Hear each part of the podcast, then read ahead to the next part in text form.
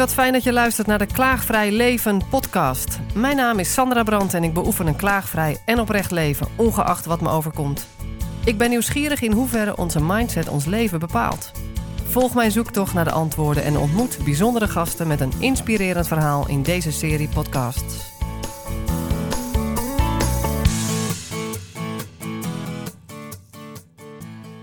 Ik ben uh, Ilonka en ik uh, zit hier uh, heel fijn met Sandra. Ja, ik zit heel fijn hier met Ilonka en wij zitten op een hele mooie locatie. Op, Ho op Hodepeil in Schipluiden nabij Delft. En wij mochten uh, in de pastorie plaatsnemen. Het is een kerk met restaurant. En wij zaten net lekker in een warm hoekje in het restaurant. Maar de mannen uh, naast ons, die waren toch wel uh, heel duidelijk in gesprek. Ja. wilden wel verplaatsen, maar we vonden het een beetje sneu. Ze hadden zo lekker samen zijn met appeltaart. Wij dachten, wij gaan even een apart. Dus wij mochten van de eigenaar in de pastorie zitten, wat heel rustig is. Lekker ja. aan het raam in het zonnetje. En uh, ja, Ilonka, wij zijn elkaar op het spoor gekomen, of ik jou eigenlijk, via mm -hmm. LinkedIn. Ja. Met een heel bijzondere post over je dochters en over de periode dat ze nog in jouw buik zaten, allebei tegelijk. Ja. En daar heb je ook heel veel reacties op gekregen, zag ik op die post. Uh, enorm. Er is enorm veel op gereageerd en uh, ook gedeeld. Ja. En ik voelde van ja, ik heb een platform, hè, de podcast, en daar moet het ook op.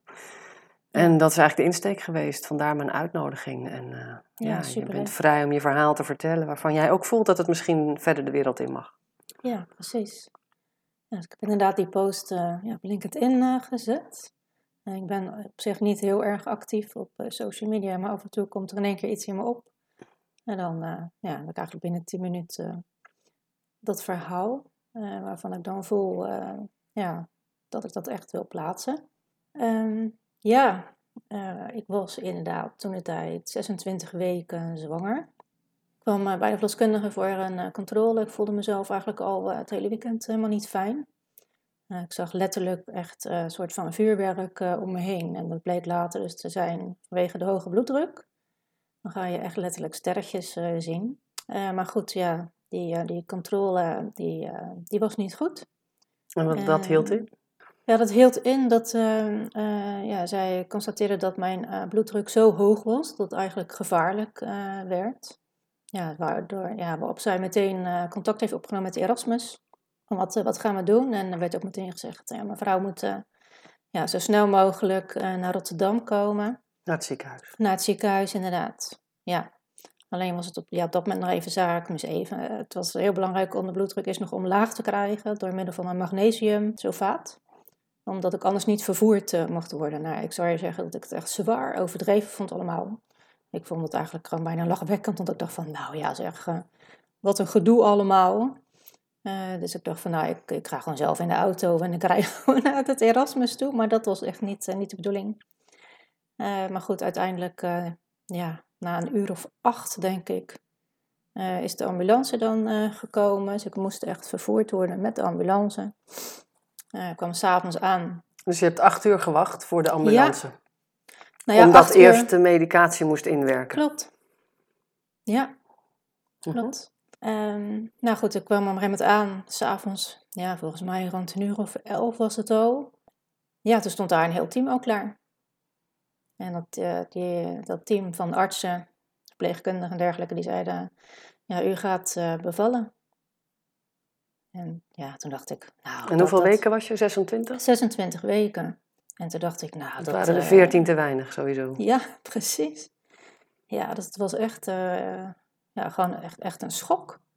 Ik dacht, nou, dat gaan we toch zeker niet doen. 26 weken. Ik denk, wat, wat zijn de kansen? En uh, ja, het, ik was wel aardig ja, van slag af. Maar ik wist wel bij mezelf, ja, ik wist, ik, ik zei ook echt, letterlijk, dat ga ik niet doen ik ga niet, ik ga niet bevallen nu. Dat is veel te vroeg. Uh, nou, toen hadden ze gezegd van, nou ja, we, we kunnen nog even proberen uh, door middel van nog meer magnesium om te kijken of de bloeddruk nog gaat zakken. En dan kijken we daarna verder. Dat zou dan een half uurtje duren. Uh, dus ik heb gezegd, ja, ik zeg, nou prima, dat kunnen we dan doen. En ik weet nog wel dat ik daar lag in dat kamertje. En dat de arts zei, ehm, ja, reken er maar op dat je echt gaat bevallen straks. En ik zei, nee, ik ga, ga, ik ga het gewoon echt niet doen. ik weet niet waar het vandaan kwam. Maar ik had echt op dat moment het besluit genomen um, om ervoor te zorgen dat het niet nodig was. Ik weet niet hoe. Maar ik weet wel dat ik in dat half uur echt ja, in, in mezelf ben gekeerd. En ik ben heel erg van de meditaties. Dat heb ik ook echt al die 26 weken lang gedaan. Echt elke dag opnieuw. Zelf rustig houden, eh, vol vertrouwen. Eigenlijk. Ja, meer een, een, ja, een, een weten, weten dat het goed komt. En ik heb uh, ja, op dat moment ook echt, uh, ja, ben ik echt in, in mezelf uh, gaan keren. En echt constant ja, tegen mezelf gezegd, het komt goed. Het komt gewoon goed. Dus ondanks dat het hele team eigenlijk al klaar stond, ja. zodat je zou gaan bevallen. En ondanks dat er werd gezegd, we wachten een half uur, maar ga ervan uit, je Ja. gaat bevallen. Ja.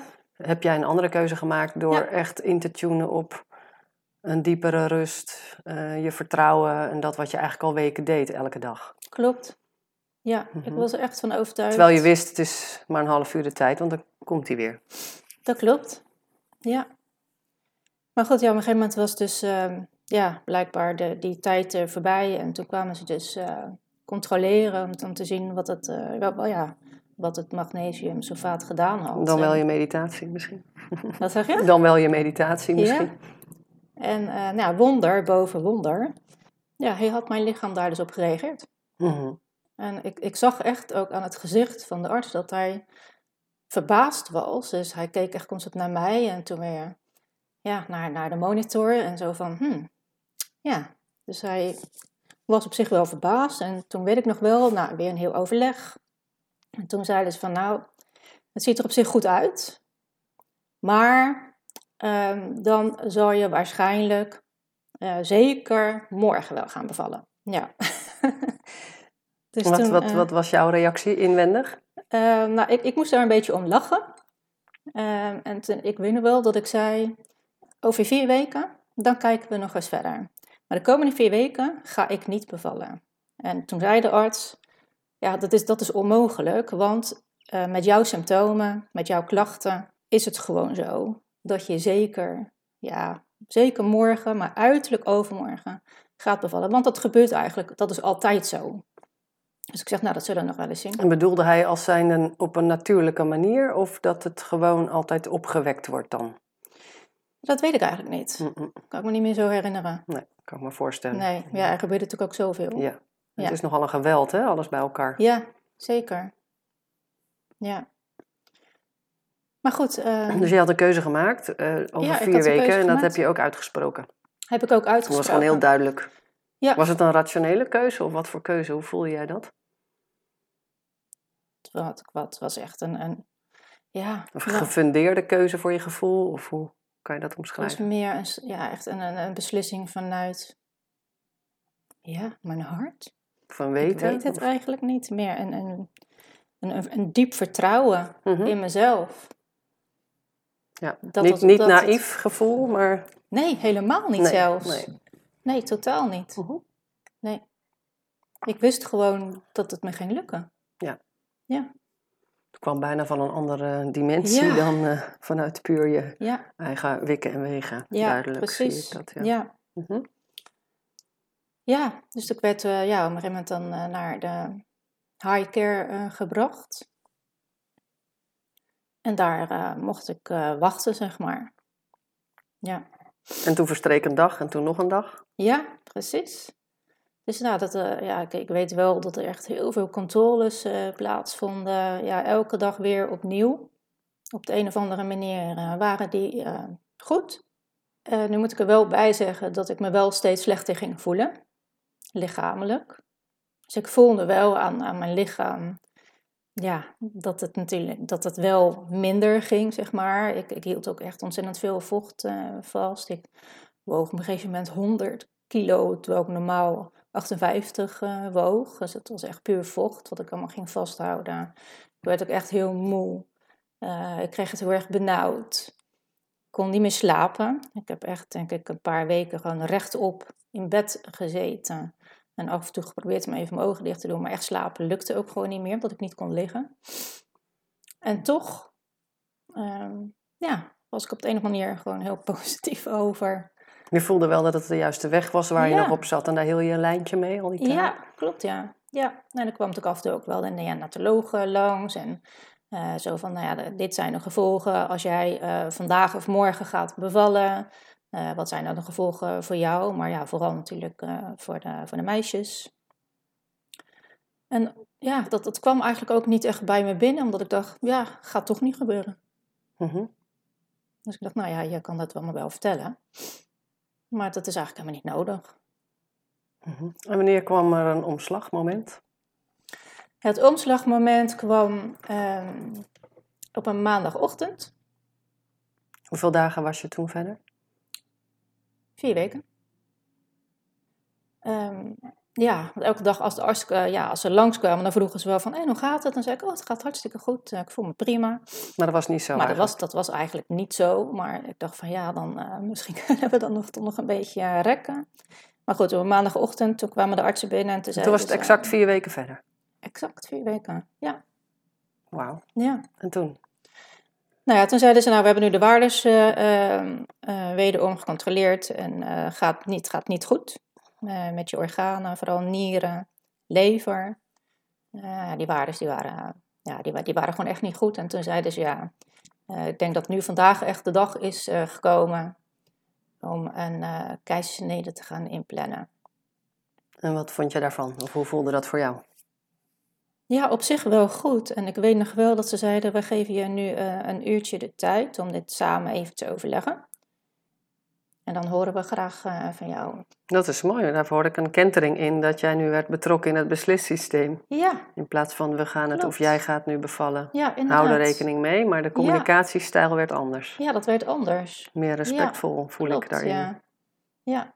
Ook al, ook al waren de waarden dusdanig slecht dat je eigenlijk moest bevallen omdat het anders jij eraan zou gaan misschien. Ja, klopt. Uh, maar nu uh, lieten ze gewoon beslistijd en inzinktijd om het samen verder te bespreken. Ja. ja, dat voelde ook wel heel fijn. Snap ik. Dan heb je echt uh, ja, compleet zelf de regie. Ja, en je wordt ook als professional ja. gezien. Ja, inderdaad. -hmm. Maar goed, toen heb ik nog wel gevraagd van, goh, heeft het, kunnen we nog drie dagen wachten? waarom? Weet ik ook niet waarom dat vroeg. Toen zei ik nog, ja, het is nu maandag, maar zou het anders donderdag mogen? En toen zeiden ze, ja, maar die drie dagen hebben echt helemaal geen zin meer. En het heeft ook geen gevolgen. Het, het is niet zo dat je, als je nu nog drie dagen wacht, dat dat dan uh, een, een heel positief uh, gevolg uh, zou hebben. Dus nee. zeiden ze, het maakt eigenlijk niks uit. En op dat moment was je 30 weken zwanger. Ja. ja. ja. Dus toen heb ik gezegd, oké, okay, dan doen we het vandaag. Het is goed zo. Het is goed geweest. Ik heb, het, uh, ik heb mijn doel behaald. Ik heb de vier weken gehaald. En in je hele systeem voelde ja. dat als de juiste beslissing ja. gedragen door jezelf. Ja. Klopt. Ja. En hoe werd daarop gereageerd? Dat, dat je vier weken had volgemaakt? Ja, dat was op dat moment hebben ze eigenlijk niet zo heel veel over gezegd. Maar wel zeg maar, ja, de, de, af, de vier weken daaraan voorafgaand. Ja, waren ze wel elke keer weer verbaasd dat ik het nog steeds, uh, ja, deed, zeg maar. ja. moet uitleggen. Ja, ja. ja. ja. En toen werden de meiden gehaald? Ja. Mm -hmm. Ja, klopt. Er werd dus alles inderdaad uh, ja, in gang uh, gezet. En uh, ik weet wel dat s ochtends om negen uur ongeveer is dan die beslissing genomen. En smiddags om vijf uur, ja, toen werden ze geboren. Mm -hmm. Ja. En nu zijn ze alweer acht. Acht jaar? ja. ja. En, en, en hoe is het met jou gegaan daarna? Ja, het is met mij niet goed uh, gegaan, uh, helaas. Mm -hmm. Nee, want uh, de planning was, of de, er werd gezegd, ja, zodra jij straks bent bevallen, zul je zien dat het met jou lichamelijk beter zou gaan. dat was helaas niet zo. Um, omdat er ja, bleek later een deel van de placentas achtergebleven is, mijn lichaam dacht dat het nog zwanger was. Oh, is dat met de keizersnee niet voldoende weggehaald? Of nee. hoe, hoe nee, zou dat dan moeten? Hoe zit dat? Ja, dat zou, had wel uh, gemoeten inderdaad. Ah. Maar dat is uh, ja, helaas niet uh, gebeurd. Dus ja, Ah. met mij, ja, ik heb wel heel veel complicaties gekregen. Omdat de placenta niet volledig was verwijderd. Ja. Pittig. Ja, zeker. Dus twee dagen later heb ik ook nog een spoed, spoedoperatie gehad. Dat ze dachten dat mijn darmen gingen afsterven. Oh, heftig. Ja, er is echt nog heel veel uh, gebeurd uh, in die tijd. Ehm, maar met de meisjes ging echt alles uh, hartstikke goed. Dus ja, dat was natuurlijk wel mijn... ja, anker. Mijn, ja, precies. En mijn, mijn drive ook. Heftig, hè? Hoe dan, en de ingreep nodig is, maar door net niet volledig de ingreep je nog verder van wal raakt eigenlijk. Ja. Hmm. En hoe ben je daar psychisch mee omgegaan daarna? Met alles? ja, daar was natuurlijk op dat moment ook maar geen ruimte voor, hè, om daar... Uh... Je bent alleen maar aan het overleven, hè? Klopt, ja. En daarna, de periode zeg een jaar later? Ja, toen ben ik wel um, ja, op zoek gegaan, zeg maar, naar, uh, naar hulp, omdat ik wel compleet vastliep. Hmm. Met mezelf, de verzorging natuurlijk van de meisjes en uh, ja, het leven gaat verder. Um, heb je, heb je begrip gekregen vanuit je omgeving of hoe ervaar je dat? Nee, eigenlijk niet. Nee. Nee. Het is zo'n intense ervaring. Ja, klopt. Ja, je merkt dan toch wel dat mensen zeggen, ja, maar ja, meisjes zijn gezond en... Uh, ja, kop op. Ja, schouders eronder en doorgaan. Maar ik merkte dat, dat me dat eigenlijk niet lukte. Nee. Ondanks dat ik van mezelf heel sterk ben. Ja, maar wat is sterk zijn? Ja. Je kan goed uh, verdoven en doorhakken misschien. Ja. dat noemen we dan sterk zijn. Ja, ook maar, maar, kunnen we ook zijn met uh, de ervaring die er is en die ook gezien mag worden. Ja. Juist daarna, als er weer ruimte voor komt, komt het omhoog, denk ik. Ja, precies. Hmm. Ja, heb, je, heb je juist de steun kunnen vinden? Uiteindelijk heb ik die zelf gevonden. Ja. Ja. dat was niet via de ja, reguliere geneeskunde, zeg maar. Ja, je komt dan bij de huisarts in eerste instantie en die zeggen, ah, ga lekker naar buiten, weet je, ga lekker wandelen en dan komt het wel goed. En Neem toen een dacht hond. Ik, ja, toen dacht ik, nee, maar ik heb meer nodig als een wandelingetje buiten. Ik denk, daar zit het niet in. Want er was natuurlijk gewoon zoveel gebeurd in die hele periode. En ook de aanloop, überhaupt al naar de, naar de zwangerschap toe. Mhm. Jarenlang IVF-traject uh, gedaan. Ah, ja. Dus ja, dat komt dan allemaal wel bij elkaar. Maar goed, uiteindelijk ben ik zelf uh, ja, op zoek gegaan Mhm. naar de juiste hulp voor mij. Mhm. En ja, toen ben ik terechtgekomen bij iemand die uh, EMDR-behandelingen gaf. Hmm. Dus de huisarts had ook geen medicatie voorgeschreven of geadviseerd? Dat weet ik Dat vind ik eigenlijk dan wel niet weer positief, dat dat niet meteen het eerste is. Nee, dat, durf ik ook niet meer te zeggen Maar eigenlijk. goed, daar, ben jij niet, daar heb jij niks mee gedaan. Je bent Nee. gaan zoeken naar wat... En Ja, toen kwam je bij EMDR. En even kort Ja. voor mensen die niet weten wat het is. Ja, ja het is een, een ehm, bepaalde techniek die je gebruikt, eh, die ehm, een verandering teweeg brengt in je brein. Dus je haalt zeg maar een, een, een heftige gebeurtenis, kun je naar boven halen. Die zit ergens opgeslagen. In je herinnering. In je Ja. herinnering. Mhm. Die hou je naar voren.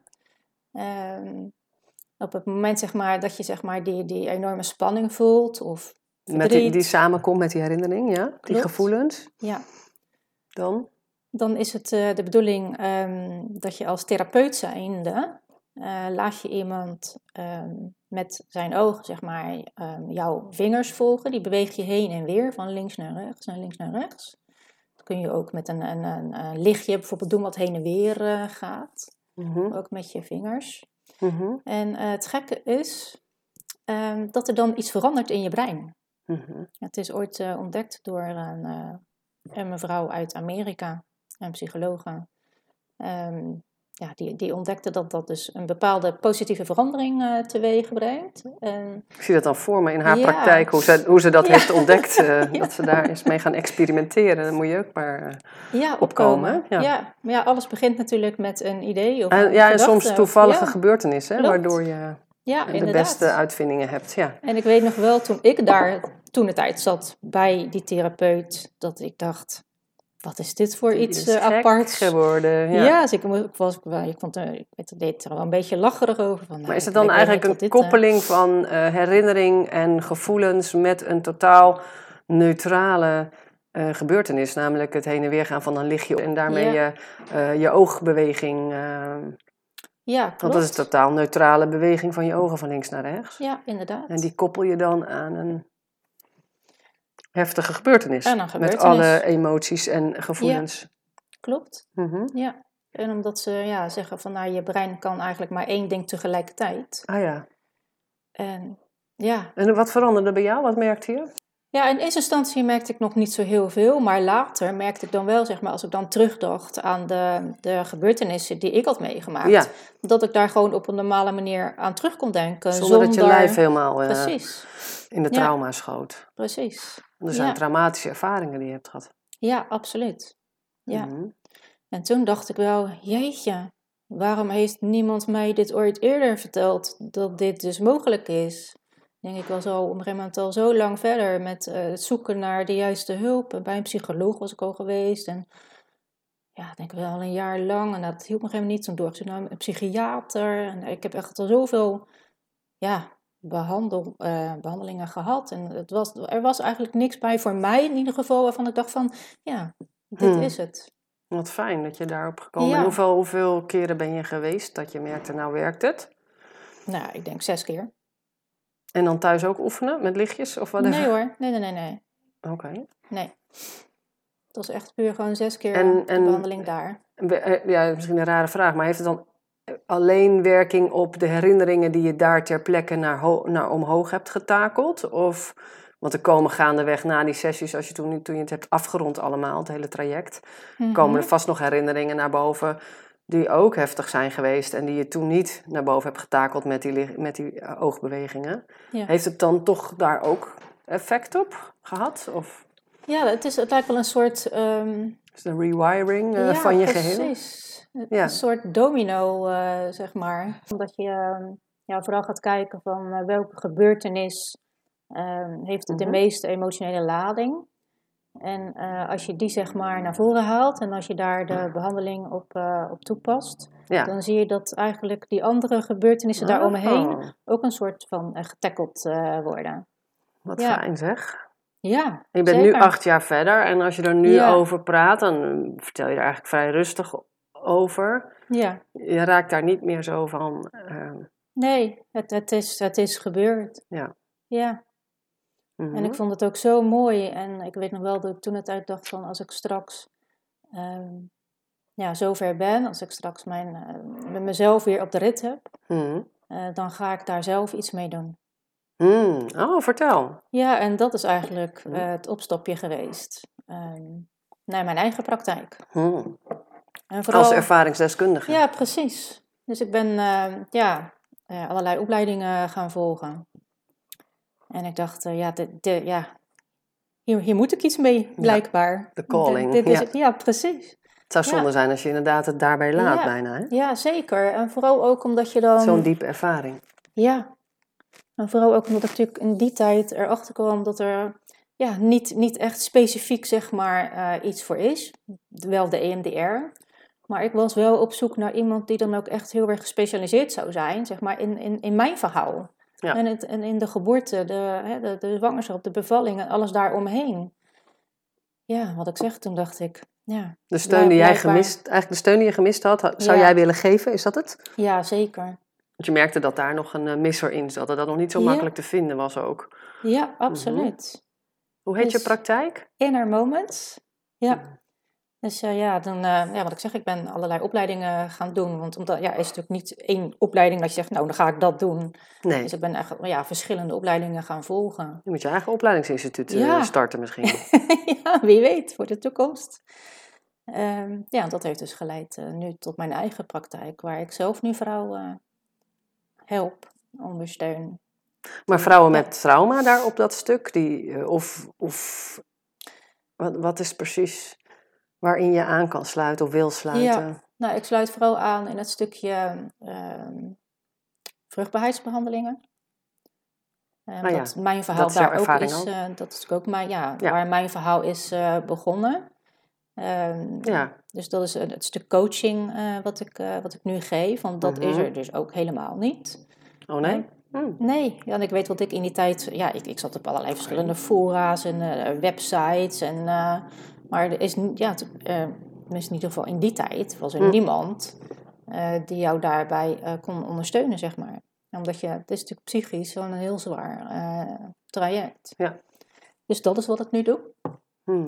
En daarnaast ondersteun ik ook vrouwen die zwanger zijn, maar bijvoorbeeld denken: ik kan het helemaal niet aan en hoe moet dat straks allemaal? En, en ja, ja, um, ja echt in, in, in, in de toekomstige moederschap, uh, zeg maar, die daarin vastlopen of heel erg veel angsten hebben, bang zijn voor de bevalling bijvoorbeeld, of ehm, nou, die, die allerlei dingen tegenkomen.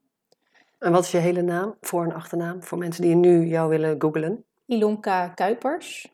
Met UI? Met UI, ja. Innermoments.nl Innermoments.nl, ja. ja. Mhm. En daarnaast uh, ja, ontvang ik ook moeders uh, in mijn praktijk die al bevallen zijn en bijvoorbeeld een vervelende bevalling uh, hebben gehad. Het, het, hoeft eigenlijk nog niet eens heel traumatisch te zijn, want het gebeurt ook regelmatig hè, dat bijvoorbeeld vanuit, vanuit medisch opzicht gezien dat artsen zeggen, ja, maar deze bevalling is echt volgens het boekje gegaan. Terwijl die vrouw juist het gevoel heeft van, het is helemaal niet fijn gegaan, want ik, heb, ik had de regie niet, of ik, het is niet gegaan zoals ik het graag wilde, werd niet gehoord, niet gezien.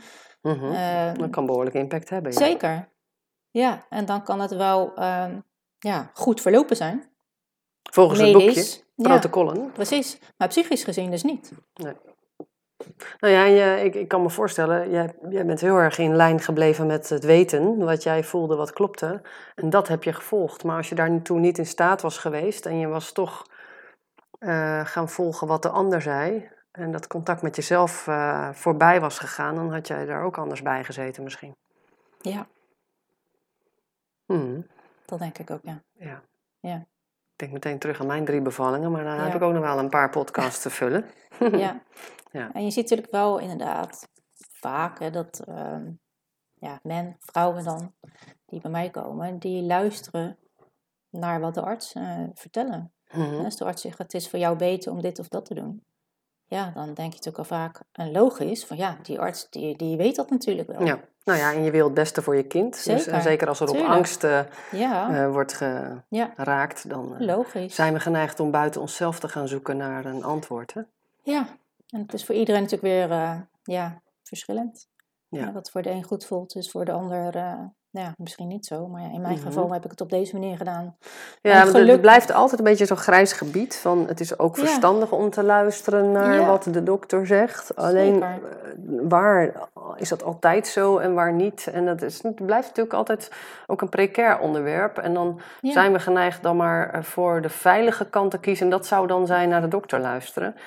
Maar dat is soms juist niet de veilige kant. En dat is een onderwerp wat we maar moeilijk kunnen bespreken eigenlijk. Want we zijn natuurlijk ook, tenminste ik ook, hè, dan ben je bang dat je misschien net iemand aanspreekt die dan juist de verkeerde keuze maakt als die naar zichzelf luistert. Maar ja, er zijn ook mensen die de verkeerde keuze maken door niet naar zichzelf te luisteren. Dus het blijft altijd een beetje lastig om dit te bespreken. Ik kan wel uit eigen ervaring spreken en jij ook, dus laten we dat maar vooral doen. En iedereen moet voor zich natuurlijk besluiten wat hij doet. En, Zeker. Uh, dat is ook zo. Maar de beste ervaring die ik gehad heb, is toch echt een thuisbevalling zonder bijzijn van vroedvrouw. Dus waarbij het echt zelf met een innerlijk oog en de vader van de kinderen en de baby heb gedaan. Ja, mooi. En waarbij ik ook later gehoord heb van uh, enkele andere vrouwen die hadden ook dat innerlijke oogervaring. Dat heb ik nog nooit, nog nooit ergens gelezen of gezien in een film of whatever documentaire. Ik wist helemaal het bestaan er niet van. Maar toen ik daarover ging spreken, dat ik echt alles heb gezien in het geboortekanaal. Uh, terwijl ik mijn ogen dicht had, dus dat kon helemaal niet. Je kan dat toch niet verklaren. Maar doordat er niemand anders bij was die mij afleidde van het hele natuurlijke proces, kreeg ik dus die heldere ervaring. En heb ik gewoon het hoofdje zien schuiven in het geboortekanaal. Ik heb het in de vorige podcast ook uh, over gehad.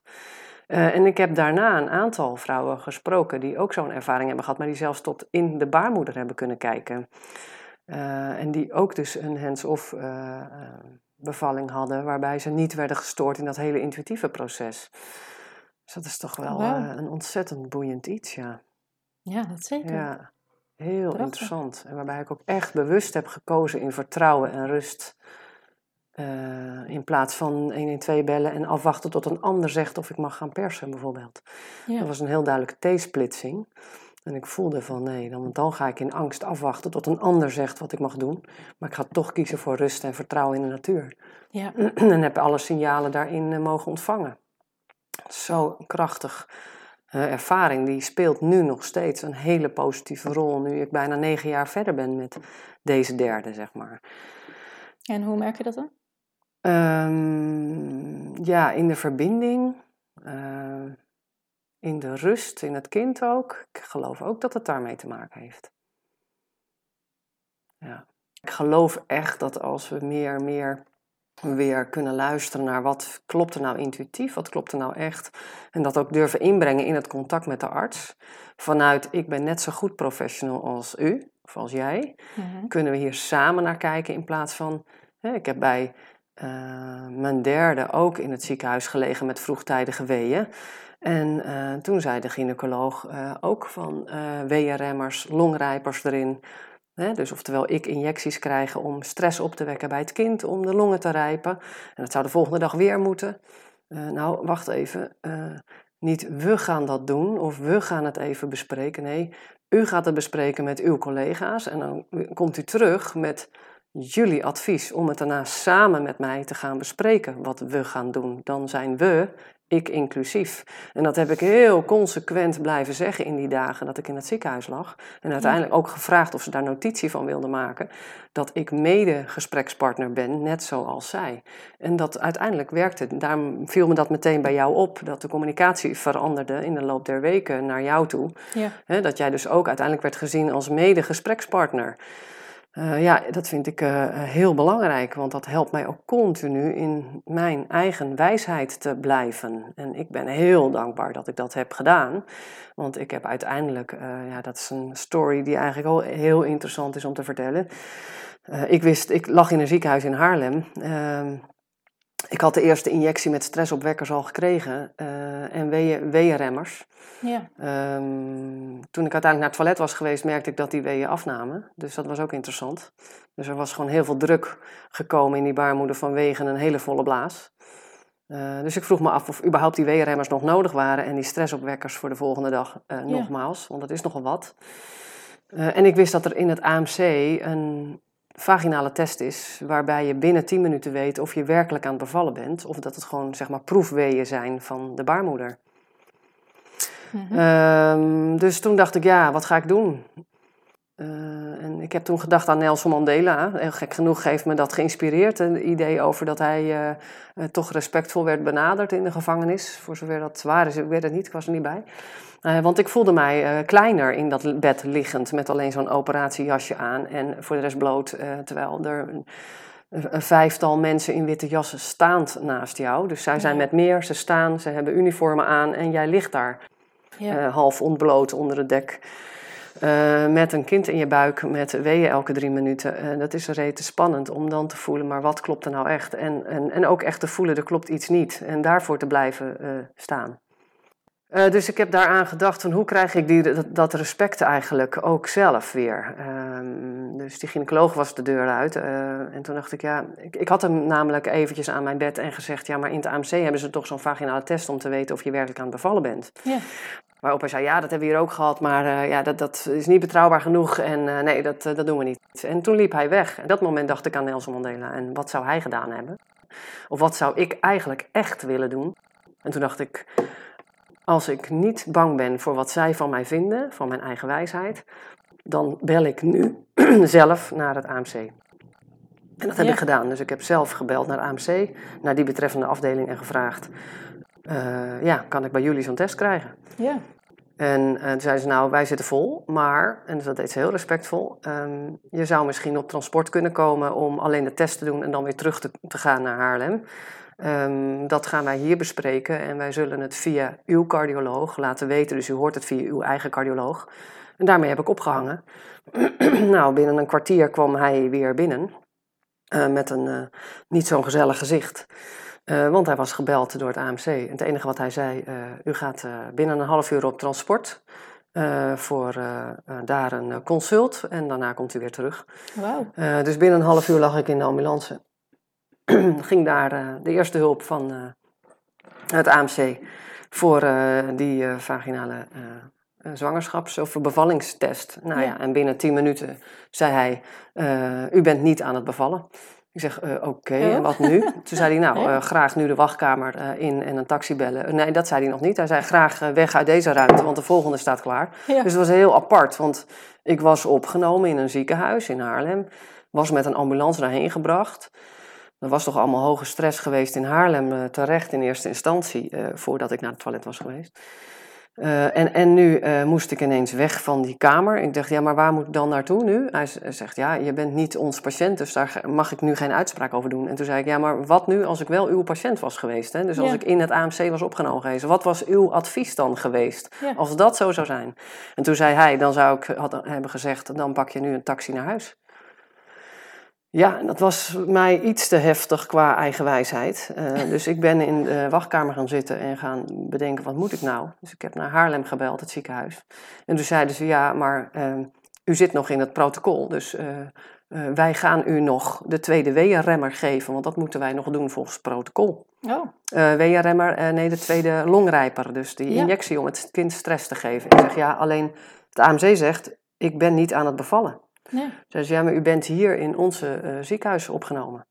En zei ik, nou, en ik wil niet dat u tegen mij zegt, uh, we gaan de tweede uh, longrijper doen, want ik wil medegesprekspartner zijn.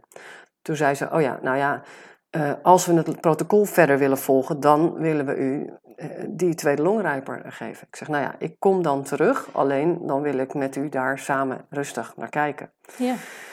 Ja, een taxi bellen vond ik iets te eigenwijs. Dus ik heb dan toch maar de ambulance. Eh, dus zij hebben een ambulance laten komen. Later hoorde ik uh, via de zorgverzekeraar, ik moest die zelf betalen. Want uh, dat wist ik toen niet. Anders had ik toch een taxi gebeld. Maar het was een heel rare setting natuurlijk. Want ziekenhuis Haarlem was heel erg in van... Uh, we zitten in een protocol, waar ben u nou mee bezig? We laten u wel gaan, maar uh, uh, ja, wij moeten dit afronden. En als ik dan met een taxi terug zou komen, dan was het helemaal, waar, waar, waar, ben je mee bezig? Ik, ik wil niet eigen, te eigenwijs zijn. Het was een heel lastig spel natuurlijk, met een kind in je buik. Ja, snap ik. Dus met de ambulance teruggebracht. bleek overigens een, een, een, een, vriend van mij, was bijna nog de ambulanceverpleegkundige geweest. Als het een ambulance later was geweest, dat was nog wel grappig geweest. Maar, uh, dus ik kwam terug. Ik ging daar weer in mijn bed liggen. Uh, overigens was dat wel nodig, want ik had uh, gewoon een gevoelige buik en ik was echt wel uitgeput. Nou, en daar kwamen de artsen binnen en dat was een collega die de dienst had overgenomen. En die wederom met zo'n ongezellig gezicht zei ze, wat, wat wilt u nou dat we gaan doen? Ja. Ik zeg, nou, um, ik wil geen longrijpers meer. Ik wil geen stressopwekkers voor het kind. Toen zei ze, nou, dan stoppen we ook met de weerremmers. En als u maar niet denkt dat als u de volgende keer weer naar het AMC wil, dat we u laten gaan. Nou, ik had eigenlijk een grap kunnen maken of zo, maar ik, eh, dat kon ik niet meer. Ik was helemaal uitgeput. Want het was bizar hoe daar werd gereageerd op mij. Het was echt bizar. Ik had er eigenlijk gewoon een grap van moeten maken.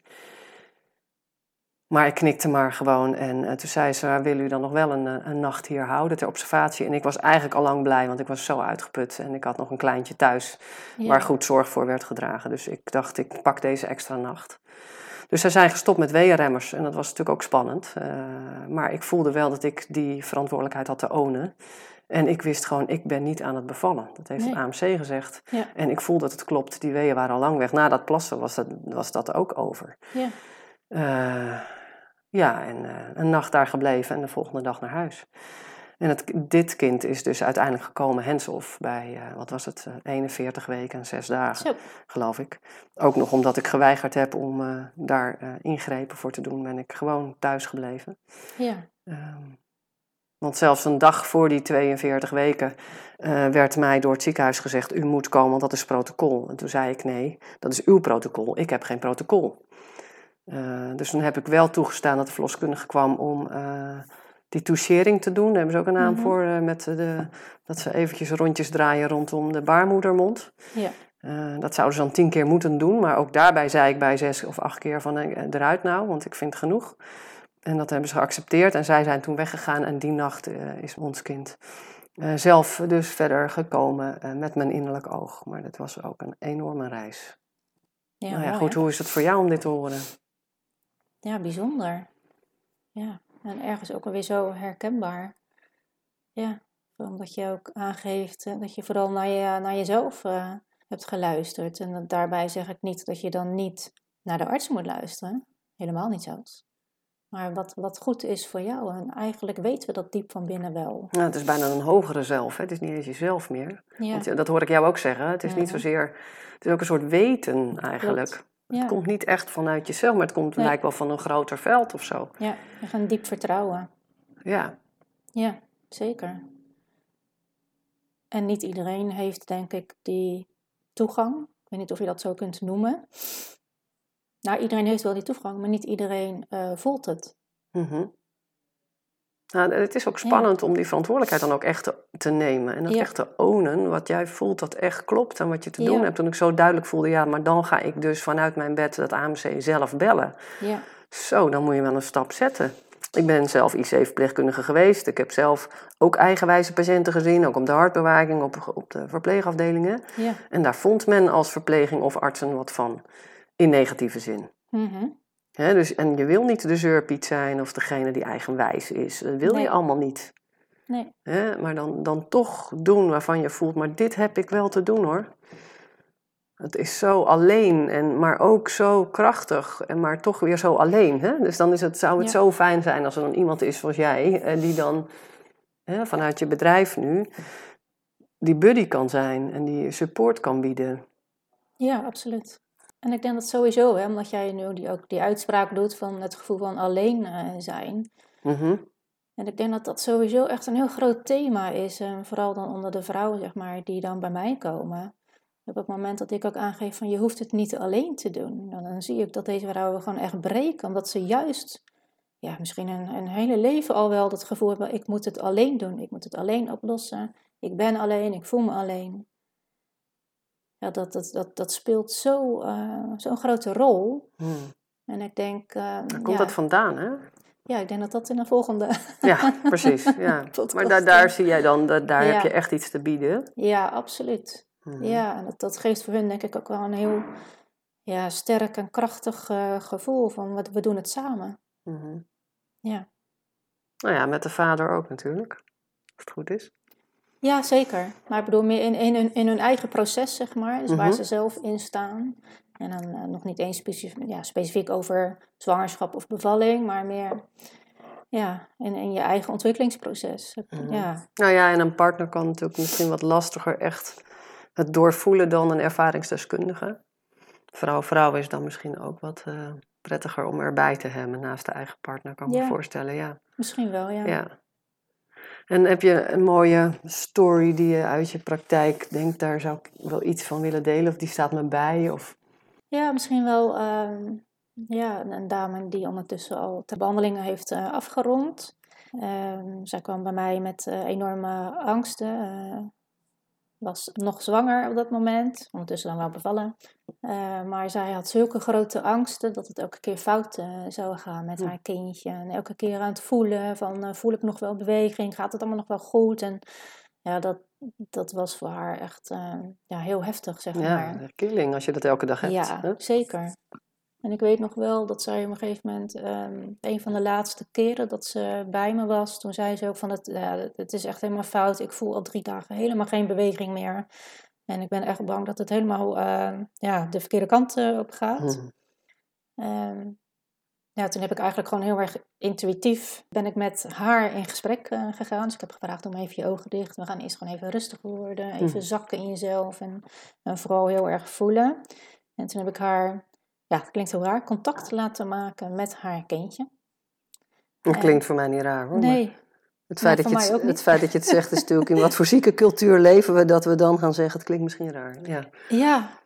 Maar ga verder. Ja, um, contact laten maken met haar uh, kindje en uh, gevraagd, wat zou jouw kindje op dit moment tegen jou willen zeggen? Ja, wat er toen gebeurde, vond ik zo wonderlijk. En ja, ik, ja, dus eh, zij raakte een soort van in gesprek, uh, zeg maar. En zij kreeg echt gewoon letterlijk door wat haar kindje dus haar te vertellen had. En dat zij vooral uh, mocht vertrouwen. En dat het, dat het gewoon goed was. En ik zag, want ik had ook aan haar gevraagd van ja, leg je handen maar op je buik. Hè. Dat is wel een flinke buik. En uh, zeker omdat zij had verteld, uh, ja, ik voel al drie dagen geen beweging meer. Het is zo stil. En op dat moment, zeg maar, ja, ik zag haar buik echt ja, gewoon alle kanten op gaan. Allerlei bewegingen. En ik, ja, ik zag haar kindje gewoon echt volop bewegen. En ik zag aan haar, aan haar gezicht, aan haar glimlach, dat ze, de, ja, dat ze gewoon dacht, ja, ik, ik zag haar denken, wat gebeurt hier nu toch? Dus haar handen gingen echt alle kanten op. En dus toen uh, nou, waren we zeg maar klaar. En ja, ik vroeg van doe je ogen maar open. En zij keek mij aan, echt met, met, met tranen van, wat is hier gebeurd? Ja, dat vond ik zo wonderlijk, zo hmm. bijzonder. Dat haar kindje haar echt wilde laten zien, ja mam, het, het zit goed. Je hoeft helemaal niet bang te zijn. Ik, ik, doe, het, ik doe het prima hier. En uh, alles is oké. Okay. En dan zie je wat ontspanning ook doet, hè? Enorm. Ja, zo bijzonder. Mm Ik vind het ook wel, ja, het is ook wel de, de focus op de angst met zoveel dingen. En ook in de zwangerschaps en uh, alles omheen, de geboorte. Ja. Zoveel focus op angst. En dan is het zo belangrijk om weer die landing te kunnen maken. Ja. Dus voor jou ook acht jaar geleden, ja, voor mij uh, bijna negen. Ja. En eh, zie je, zie je ja, ook even naar de toekomst voor je bedrijf en met wat je doet? Zie je de, wat zie je daarin? Wat verlang je daarin? Ja, wat ik daarnaar uh, verlang is dat wel steeds meer vrouwen weten mm. dat ze het niet alleen hoeven te doen. Ja. ja dus dat is echt wel wat ik wil uitdragen. Je, je hoeft het niet alleen te doen. Nee. We kunnen het samen doen. Ja. Um, ja, Vooral, vooral, dat, hè? Vooral dat wel, inderdaad.